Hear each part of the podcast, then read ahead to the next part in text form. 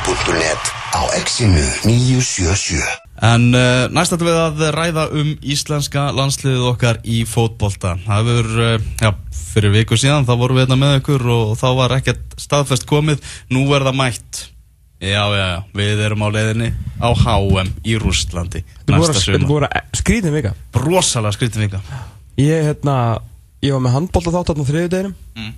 Ég var einhvern veginn svona Hann var, hann var góður sko, við segið svolítið frá Það var góður. Já, ég horfði á í- hann það var mjög á þér. Og hérna, það var rosalega erfitt einhvern veginn bara svona Að stilla sig inn sko Ah. Svo ætti ég að vera á sjövakt í vinni Sérstu maður klokkan sjö bara að skrifa fréttir daginn eftir Mhm. Heiðarlega sjónvarsmaðurinn Og hérna Og ég, og ég glemdi Og mætti ekki fyrir veist, Ég held, vissi ekki svona ég var á sjövakt En maður var bara einhvern veginn svona úr takti Já, Og maður vorum að ræða um þetta hver hittist þau síðan Já, blagamannfundum í KC hérna það er að vera að tilkynna leiði á stelpunum Mhm. Eða hópin að, Þá svona var maður fyrst einhvern veginn bara að svona hafa aðeins að renna af manni mhm. Það var bara erfið vika sko Skemmtileg, já, já. en erfið Það- maður ásæðan eftir sko, þú veist, maður tekur eftir því að, svona, eftir að þetta var staðfest þá fekk maður miklu meira áhuga líka að sjá svona hverju verða með okkur hana.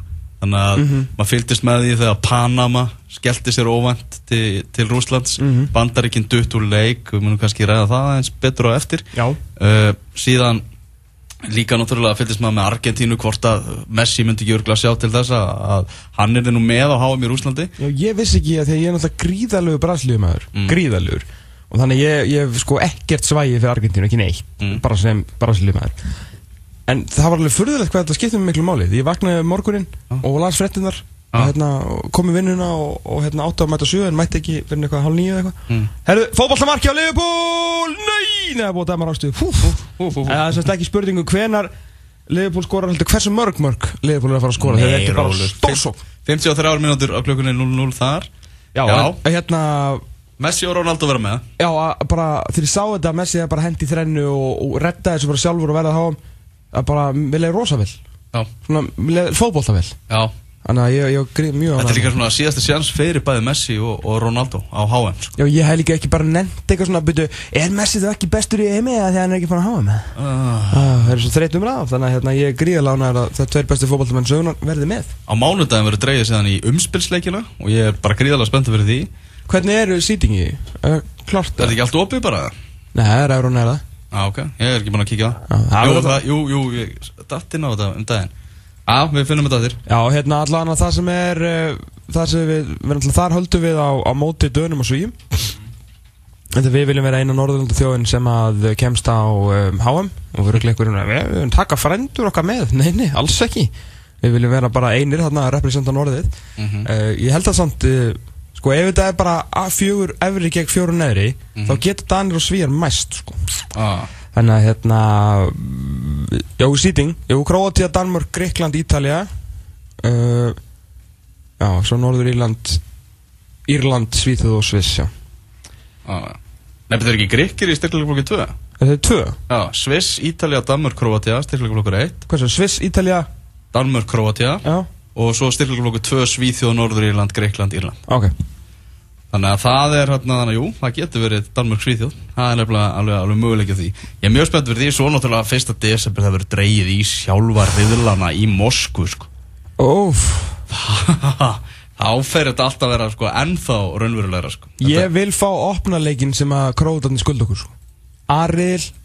Og viljum það líka fá Rússland sem er styrkleikaflokki 1 er náttúrulega geggjað, það vilja allir fá rússana Mhm. en það geta ekkert eða þannig bara, bara í þvílíku basli, það Því- er 60.4. sæti held ég á heimslistanum eða eitthvað. Já Og hérna og, Já, fá opnarleikin og vera reyli Og slósna við bestuli heims og svona Já, þarna álfukeppnin, opnuleikur þar, þar held Putin ræður, sko, bara á leikvangnum, sko. Ég var alveg til að upplifa það, að sitja í frettamannabóksinu og hlusta á ræðu frá Vladimir Putin þegar Ísland er að fara að keppa móti, móti rúsum í, í fyrsta leik, sko. Þú veist að þú eru aldrei örugari bara í heiminum held ég, á þeirri stundu Næ, Það er mjög örugur það sem að Vladimir Putin er sko. já, ég held að það sé alveg, alveg klart. Öryggi stilfinningin er algjör Já, þetta er, þetta er fílið, svo Þeir, slata. þeir sáriði þá ef við myndum hérna fá opnarleikin og verið aðrili þá spilum við í, í Moskvu á Lusniki-vellinum Mm. og síðan uh, þá uh, í Rostov það er nú bara rétt hjá, eh, svona tildulega rétt hjá það sem liðið er. Já, liðið með beðis hann við Svartahaf. og síðan í uh, Volgograd. Það er ekki bara fint Jú, jú, þetta hljóma bara ágætlega. Við ætlum að skoða þess hérna uh, engunakjöf uh, í, í gegnum undakefni HM þar sem að fótboll.net við geða engunir eftir hvern einasta landsleik og, og ég er búin að taka þetta hérna saman og það voru alls 14 leikmenn. Ég, ég ákvað að setja við mig við að þú hefði þurft að fá uh, engun úr fjórum leikjum lámark ok. Og það eru 14 leikmenn sem að ná því. Um, þá ég myndi telja það að þessi 14 væru öryggir með sæti sitt á, í loka getninni svo lengi sem er haldist heilir. Uh, aðrir sem að við nefnum með það sem að, sem að komast ekki á þennan 14 manna lista það er Augmundur Kristinsson markmaður sem að spilaði þennan finnaleik heima. Spilaði eitt leik í utakefni mm -hmm. uh, Theodor Elmar sem að náði tveimur leikjum þar með þessum þessari mögnuðu framistuðu á móti Tyrkjum heima þar sem hann fekk nýju í einhvern Úf, var maður leiksinni okkur þar að ég held að. Já, uh, svo var það uh, spilaði hann Kroatíuleikin úti fekk þar fimm, þannig með sjö meðalengur þetta eru tvei leiki sem að fara einhvern fyrir. Mm -hmm. Viðar Kjartarsson fekk einhvern fyrir tvo leiki fekk, fekk sex í einhvern í, í þeim báðum Arnur Ingur Traustason fekk bara einhvern fyrir eitt leik í undakjarninni sem Já var svona- hann datt hann út. Já, hann datt út úr, út úr myndinni eftir að hafa verið í, í stóru hlutverki á, á í lokakefni EM og það var sjö sem hann fekk fyrir Kosovo-leikin úti. Svo er það Sverri Ingi Ingarsson spilaði, fekk einhver fyrir tvo leiki og stóð sig stórkostlega á náttúrulega móti Úkrænu, þar, sem að- þar sem að kom inn og fekk átta einhvern og svo fekk hann hérna nýju í, í Tyrkjaleiknum, þar var bara nýju og tíja í Bostal, á bóstónum fyrir Sigurinn úti. Já, í, í, hérna í, já, hávanum á Eskifirði sem að var síðan engin sem við bara slögtum á. Já, Uh, svo er það uh, Rúrik Gíslason sem spilaði fekk einhver fyrir eitt leik og það var finnleikur nútað sem hann fekk rauðarspjaldið og endaði með þristi í, í engunni í þeim leik mm.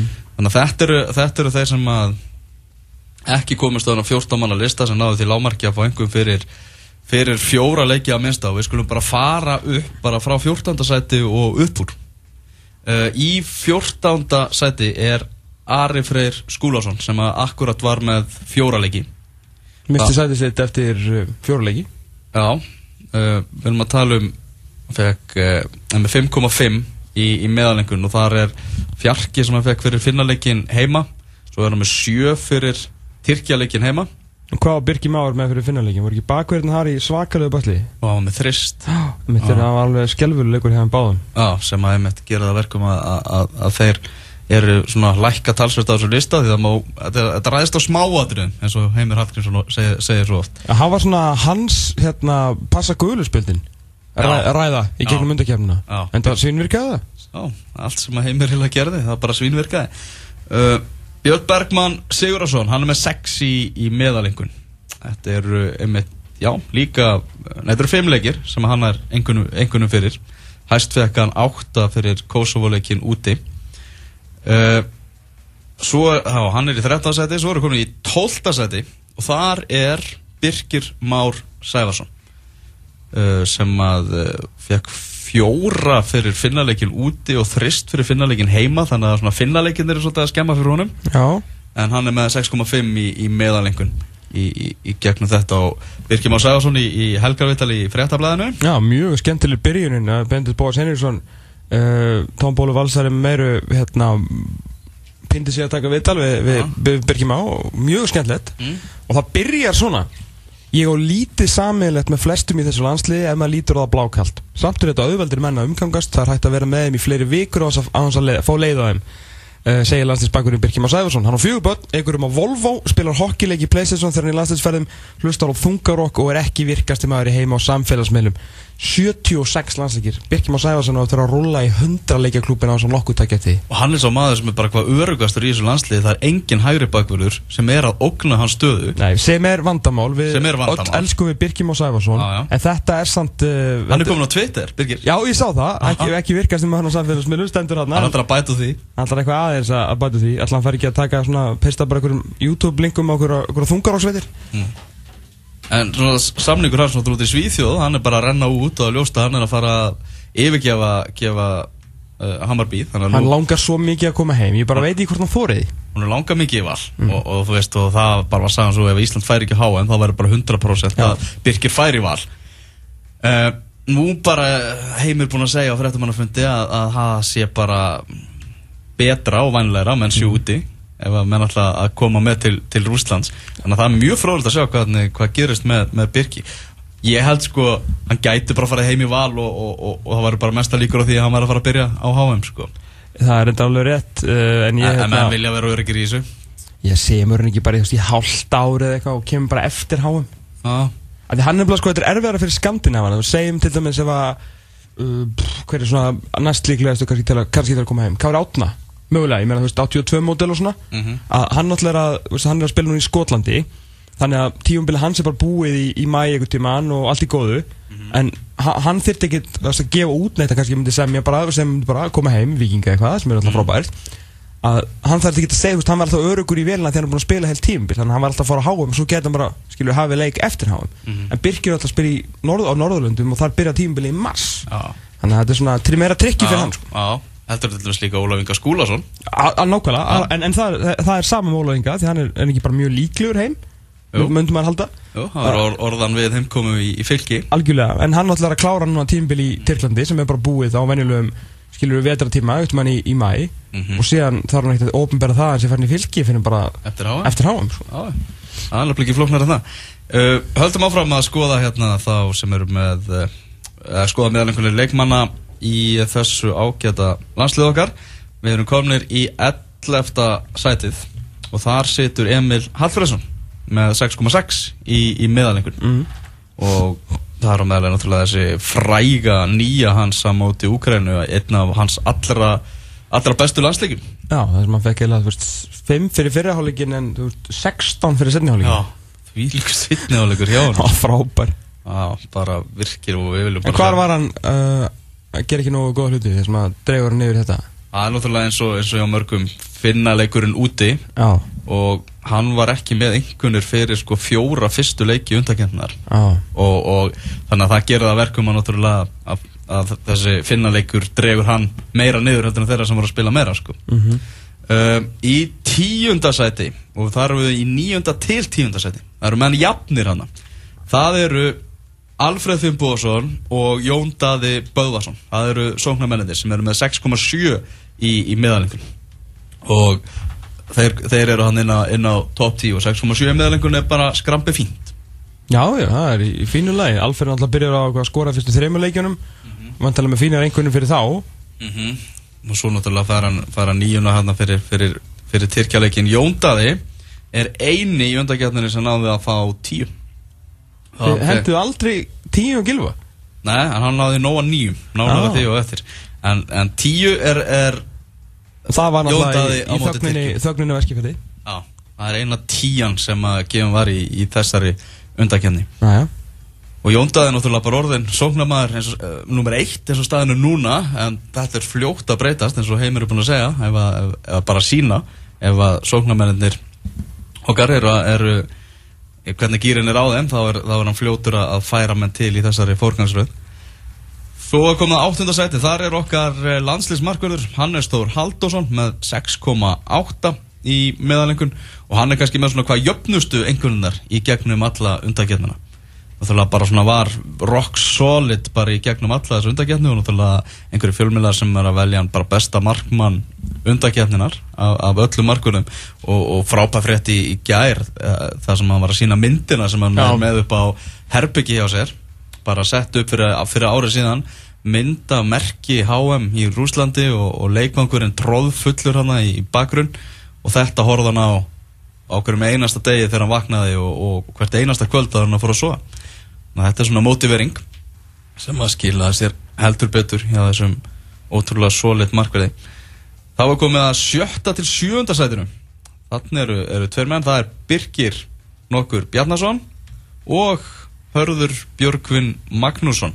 Sem getur kannski valið bara sem hvað besta nýliðan í, í liðinu. Já, skrítið samt að Birgir Bjarnason er svona ofalega, allir sammála um það að, að hérna, og svona umræðan kannski hefur verið að hann er allir hvað mestum vombriðum með við hvað við vitum að hann getur sko Mhm. en það er ekkert eitthvað frábær undakefni hjá hann það verður nú að segjast alveg eins og Já. verður og bara gott að eiga hann inni við getum orðað þannig, startaði hann alltaf leikina held ég, en, en hérna Já. Það er, hann er með tvær nýjur sko, hann er með ný, nýjur í, í báðum tyrkjaleikunum sko. Já, báðum Tyrkjasýrunum, hann var að finna sér vel á móti Tyrklandi sko. já, mér reyndar finnur Ísland sér bara vel á móti Tyrklandi Já. En hann var reyndar frábær hérna heima á móti Tyrkjum er hann komin á miðuna fyrir Aron Mhm. uh, Og átti líka bara, hann byrjaði brusla á Eskifriði en, var síðan hérna virkilega góður Mhm. og svo náttúrulega líka sko, að sjá hvernig hörðu Björgvin er búinn að vaksa þegar hann var að detta svona fyrst inn í þetta sko. og þetta eins og til dæmis Kroatíu leikurinn úti það var eiginlega sámar í þjóðsöngunum sko, hvað hann var svona tens og, og stressaður sko. Já, núna einhvern veginn er hann bara dottinn í svo mikið svona bara smeltpassar í þetta. Hann er náttúrulega bara ótrúlega mikill kraftur sem hann hefur komið með inn í, inn í vinstri bakkara stöðuna, hörðu Björgvin bara búinn að vera frábær komið skemmtilegu, skemmtilegur inn í þetta. Já, virkilega og kemur náttúrulega með miklu kemur náttúrulega með mikla hæð og mikinn mikinn styrk miklu svona öbluri á, á, á fjörstönginu þegar það er að koma þar yfir svona krossarnir er að koma fyrir utan hvernig alltaf er spinnum aðeins góður og getur svona tekið auka spinnur uh, þvert á gilfa og allt það Mhm. þannig að þetta er, þetta, er- hann er bara að fara að spila hann þarf að vera að koma á háum í, í leikformi sko. Hvað gerir Hörður Björgvin í janúar? Hann var ónótað að vara maður enn og aftur hjá Bristol City í ger djók sem er bara tjók en að, aðspurning hvað hann gerir í janúar. Fjórða til fymta sæti með 7,2 í meðalengun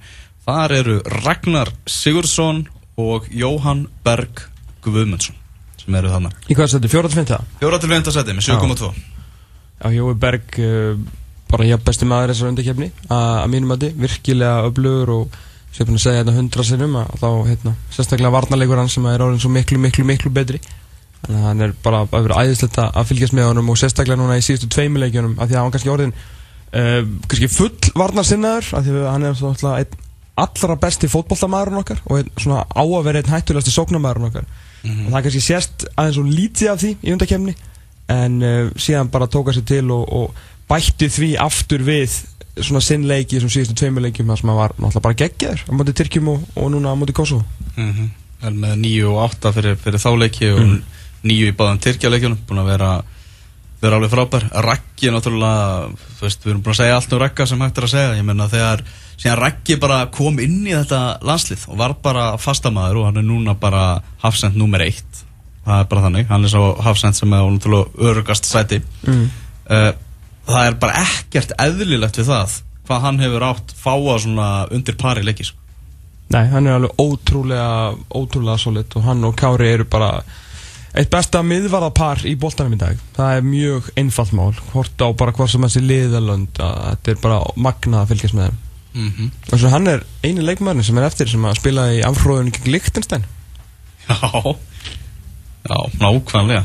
Sem var ákveðin lágpunktur í sögu íslenska landsleisins í, í fótbolta. Hann var í því liði og, og, hérna, og er núna búinn að fara á EM og er legin á HM þannig að búin að heyra marga sögur líka svona bak við tjöldin úr, úr þeirri ferðu og eitthvað og það eru flestar mjög ljótar. Já, það er einmitt ein, einsagan er hérna uh, veist að á- við, við náttúrulega við fáum alltaf, nú höfum við hort á strákan á skokka Já, mjög oft Mhm. að við fáum alltaf að horfa á fyrstu 15 mínúnar æfingunum sem eru bara skokk og uh, við höldum að þarna boxlætnir sé aðal þjálfar í íslenska landsleisins ég hef alltaf, er sjáum ekki hann- aðþjálfurina? Já, Við séum hann alltaf stýra þessu öllu. Í heimir er bara, hei, kor, fyrsta kortir er heimir bara aðstóðþjálfur hann er bara að raða keilum og eitthvað. Já. og ná í einhver prik og gera allt klart og meðan boxlætnir er bara eitthvað eitthvað, bend down, bend down um power, power, power. Og eitthvað, ok, þetta er, þetta er toppmaður Sebastian Bókstandin, svo alltaf heimir þetta viðtólum Já, svona, sagan segir að, að, hérna, að, áður fyrir var sko hort á allar æfingunar Mhm. en uh, æfingin fyrir, sérst, síðast æfing fyrir littistænleikin Mm. var við svo mikið grín að uh, eftir það, sérst, og fjölmiðarnir skilur fengu að sjá það Mm. og eftir það var bara lokað á þetta. Já. Það var bara fyrsta Við kortir förum ekkert að sína neitt meira. Nei, þetta er bara, þeir fá bara að sjá uppbytuna þannig að þeir sjá ekki hver í gangi hérna. Er það komið á topp þremur Þrýr bestu leikmenn Íslands í undakeppni HM samkvæm Ég veit hverju þeir eru, Engunagjöfunni ja, því að bara sangat útlökunar að fyrir henni Já, já. Jafnir í öðru til þriðja sæti. Mm. eru Kári Átnason og Aron Einar Gunnarsson. 7,3 Já, í meðalengun og benda það að 4.5. seti var 7,2 í meðalengun þannig að það er ekki, það er ekki langt á milli. það er ekki langt á milli þarna sko. Nei, ég ætla, ég ætla að vera sammála þessu. Ég ætla að vera sam... Aron er búin að vera virkilega, virkilega góður En mm, svona Raggi hefur alltaf Fengið alltaf aðeins meira lofældur en Kjári Og oft bara mjög verðskulda en í gegnum þessa undankefni ætla ég að vera sammála því að, Kári hefur verið skör betri er það ekki Mhm. en saman eru þeir frábærir en það er bara svo margt sem að, og náttúrulega Kári náttúrulega líka búin að vera að skora og leggja upp og fiska víti og Já, nákvæmlega. hann er komið svo mikið ógn tegin hinum megin. Þannig að það er svona kannski það sem að setur hann aðeins fyrir fram hann er búin að eiga alveg frábæra undankefni 35 ára gammal alveg geggjað undakefni sko. uh, Já, bú, þeir Aron Einar fyrirliði þjóðarinnar hann hérna, kom inn á meittist hjá Cardiff í ger uh, en þá er komið að því besti leikmaður undakefni HM og ef þau eru búin að vera að hlusta á þetta allt saman þá er það alveg gjössanlega augljóst. Uh, þetta eru þrjár þetta eru þrjár undakefnir sem við höfum verið að gefa einhvernir í öllum leikjum í. Mm. og þessi maður er búin að vera besti leikmaður Íslands í öllum þremur undakefninu undakefninu að HM þar sem við mættum séðan króutum í, í umspilinu og döttum út. Undakefninu fyrir EM þar sem við skelltum okkur bara til Fraklands og svo núna undakefni fyrir HM þar sem við, jú, komist í lokakefni HM í Rússlandi Byrju, ertu, ertu að segja mér að Gilvi Þór Sigursson sé besti leikmaður Íslands? Sem við eigum með? Það er eiginlega það sem ég er að segja Að þú ert að segja mér það, já? Að ég er að leiða þetta að því að, Já, að já. Gylfi Þór Sigursson sé okkar besti leikmaður og það sé bara, bara algjört, algjört fakt sko. Þannig að þú ert að segja mér það fyrir eftir að 45 miljónar punta Premier League miðumæðurinn okkar er besti leikmaður í, í Íslandsku liðinu. Já Ok? Mm átta, Þetta er, skúp. átta fyrir Tyrkjaleikin heima Já. Níu fyrir Kosovo-leikin úti sem hann náttúrulega bara vann fyrir okkur uh, Níu fyrir Úkrænuleikin heima Níu fyrir uh, Tyrkjaleikin úti og átta fyrir heimaleikin á móti Kosovo 7,6 í meðalengun besti leikmaður Íslands í undakefni HM Gilvi Þór Sigursson Hann er góður í fótbolta. Já bara, við, skulum bara, við skulum bara orða það þannig. Þetta, er, þetta var, var, var listin Svo munum við náttúrulega núna bara fram að HM í Rúslandi Það mun ekki líða sá þáttur þar sem við munum ekki á einhvern hátt Taka einhvern vingil á, á þetta mót sem er framöndan næsta sumar sko. uh, 73 mínútur á klukkunni Leopold 0, Manchester United 0 Ekkert búið að skora á uh, Anfield. Er það við skulum aðeins ræða meira um, um undakefni HM í, í Rúslandi Bandaríkin, Thomas Hafið að spila? Já, þetta er hérna fyrirvændi landslæsmaður bandaríkjana, Taylor Twellman, sem að, hérna, er virkilega skemmtilegur eh, pundit á ESPN, þar sem að fyrir þalar um MLS-dildina og aðalega um, um bandaríska landsliðið. Hann, hérna, hann tók átta mínútna rand um, uh, á ESPN, bara skömmu eftir að bandaríkin töpuðu fyrir Trinidad og Tobago og mista farselunum til uh, Rúslands. Nú, Trinidad Tobago var með þrjú stig í, í, hérna, í lokareilinum og þeir eru í miklu basli en, en síðan svona kom hann aðeins inn á að, að Ísland var að fara en ekki í bandaríkin við heimlag Iceland, Iceland is the same size as Corpus Christi, Texas, or Anaheim, California. They can figure it out. If the United States can't figure it out, then no, no business being involved because if Iceland, an, uh, an area that small, the size of Corpus Christi, Texas, I have to repeat that because that's an unbelievable reminder saying, how can we not figure this out? How can the United States not figure this out? in your own region? Okay, you can't. You don't have Messi. You're not going to beat Argentina right now. Fine, but unequivocally, you should be qualifying for every World Cup. It's an embarrassing night. Já, þetta var vandræðið kvöld segir, segir Taylor, Taylor Twellman og þetta er náttúrulega algjört djók já, bandaríkjörum að vera ekki að komast upp úr CONCACAF sem að er náttúrulega bara bara svona sprelli dæmi sko uh, í hérna, í undakeppni þeir náttúrulega eru búin að vera bara virkilega hérna slakir. Þeir voru, þeir töpuðu fyrir Guatemala í semst millirilunum, þetta er náttúrulega mjög löngu undakeppni, þetta byrja náttúrulega þegar alls konar afsakið fyndin lið eins og, og Curaçao Eyjar og El Salvador, Canada, Grenada og Haiti og svona lönd sem að uh, reyna að komast inn í uh, svona fyrsta, fyrstu reylakefna uh, en þetta endaði sérst í, í þessum sexlega reyli sem var sérst Mexico, Costa Rica, Panama Honduras, Bandaríkin og Trinidad og Tobago. Margar hérna bara sterkustu knaspinu þjóðum heims í dag. Uh, Bandaríkin fengu aðeins 12 stig Honduras er á leiðinu í umspilið en Panama er á leiðinu á HM uh, sko þeir náttúrulega eru algjörlega, algjörlega trilltir og það er mikið búið að vera að tala um svona MLS systemi og hvað er, hvað er að hjá bandaríkjunum? Þeir eru svona að reyna að setja þetta í einhverja í eitthvað samhengi og það er ímislegt eh, í þessu en það sem að þeir eru það sem er svolítið bent á núna er dæmi í bandaríkjunum sem heitir sem pay to play sem að þýð það að hérna, það kostar mjög mikið fó- sem sagt, að, að æfa í, bandaríkjunum og sem sé, þetta náttúrulega er upp á sport svolítið, það er verið að svona skilur útkverfin í, í stærstu borgunum eru mikið að setja börnin sinni í fótbolta því að þau eru vilja ekki að þau fari til dæmis í ísokki eða, eða semst amerískan fótbolta því að það er náttúrulega mjög brútal sport og svona, þannig að þetta er að vera svolítið svona upp á sport og bandaríkjumenn eru svolítið að nýta sér þá og kostar alveg fúlgur fjár að æfa fótbolta. Og þeir náttúrulega kunni því. Að þú er þú uh, þú skráir það í fótboltalið bara til að vinna. Bara frá fyrsta degi þegar þú ferði í fótboltalið í bandaríkjunum bara eitthvað hverfislið eitthvað sem maður spilar á hverju lögadegi og kannski æfir 23 viku. Um leið og þú ferðan inn þá ertu byrjar að keppa, þú veist, þú komið dómara bara frá fyrstu æfinguna, er bara komið endalust af hérna, fóreldurum, að þetta er svona skilur vera, þeir virkja fjölskylduna mjög mikið með. Og þú komið skilur eitthvað aðstofþjálfara og vassbera og allir fór Gatorade og það er bara að spila til að ná úrslitum frá fyrsta degi, það er, það er engin kennsla uh, og þetta, þetta, þetta er eitt af vandamálunum En ef þú vilt komast inn í eitthvað svona alvöru dæmi og þú ert með góðan strák og sem að þú vilt koma honum inn í semst, youth system eða svona akademíunar hjá stóru liðunum í borgunum sem annarkvort eru MLS liðin sem eru með eitthvað svona uh, með, með akademíur eða bara stór lið í borgunum að þá ertu farin að borga sko, hjá sumum hérna, liðum sko 2000 dólar á mánuði ah. uh, það er hérna sko sér og það er fullt af fólki í bandaríkjunum sem er fátækt. Og það er er ógeðslega stórt land.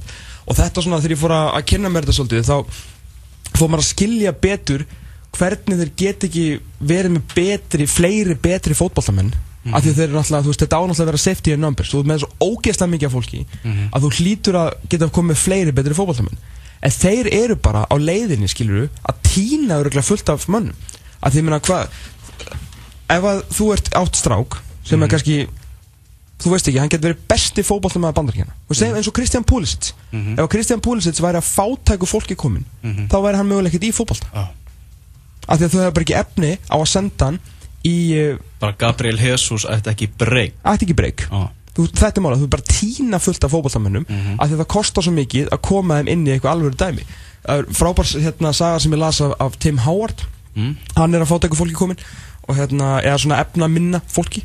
Og mamma styrst að skrapa saman sko, uh, sko nokkur sem ykkur 25 dólarum til að senda nokkra markmannsæfingar. Og það var bara að því að þessi markmannsþjálfari sem er ekki hjá okkur svona elituklubi sem að sá bara að það var eitthvað í honum að hann svona einhvern veginn svona reddaði þessu. Þetta var svona algjört algjört flúk, algjört bara grís Ah. að Tim Howard var einhvern döður því að hann átti engan pening til að borga sko upp undir 2000 dólar á mánuði til að vera í ykkur akademi og þetta sést pay as you play að þú verður að eiga peninga til að eiga möguleika á því að fara í, hérna, í MLS eða sérst, í, í háskóla.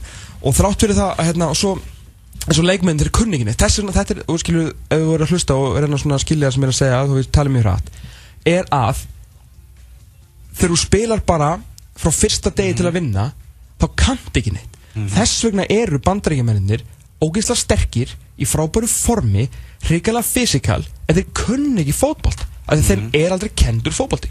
Og og orðin átjónar og þú er búin að spila skilur til að vinna alla þessa tíma þá færðu samt að fara í háskóla. Svo fer ég háskólaboltan en þá ertu löngu, þú veist, þá ertu orðin og gamal til að fara að kenna þér basically bara að senda til hægri og vinstri. Þannig að þetta eru bara, veist, þetta eru bara íþróttamenn sem kunni ekki leikin þannig að pay as you play er, það, nú vilja menn sérst fara að útrýma því. Skiljanlega. Skiljanlega því að til að komi inn svona fleiri og þau geta náttúrulega verið með stærri skilu sundlu af leikmönnum til til að sæki en þetta er nefnilega mjög áhugavert í ljósa þess að síðan bara opnaði ég hérna interneti í morgun og þar er hérna grein Snemma í morgun. Snem, mjög snemmi morgun. Að eh, settist bara fram og fór og hérna og tók aðeins til og, og hérna eldaði morgumat og, og var svona gera mig og elda, fá mig kaffi og svona eins og ég geri alla morgna. Uh, þá er grein á mbl.is sem að ég held sé, er úr sunnudagsblæði morgunblasins sem að uh, ber heitið brottfall meira hjá þeim fátækari.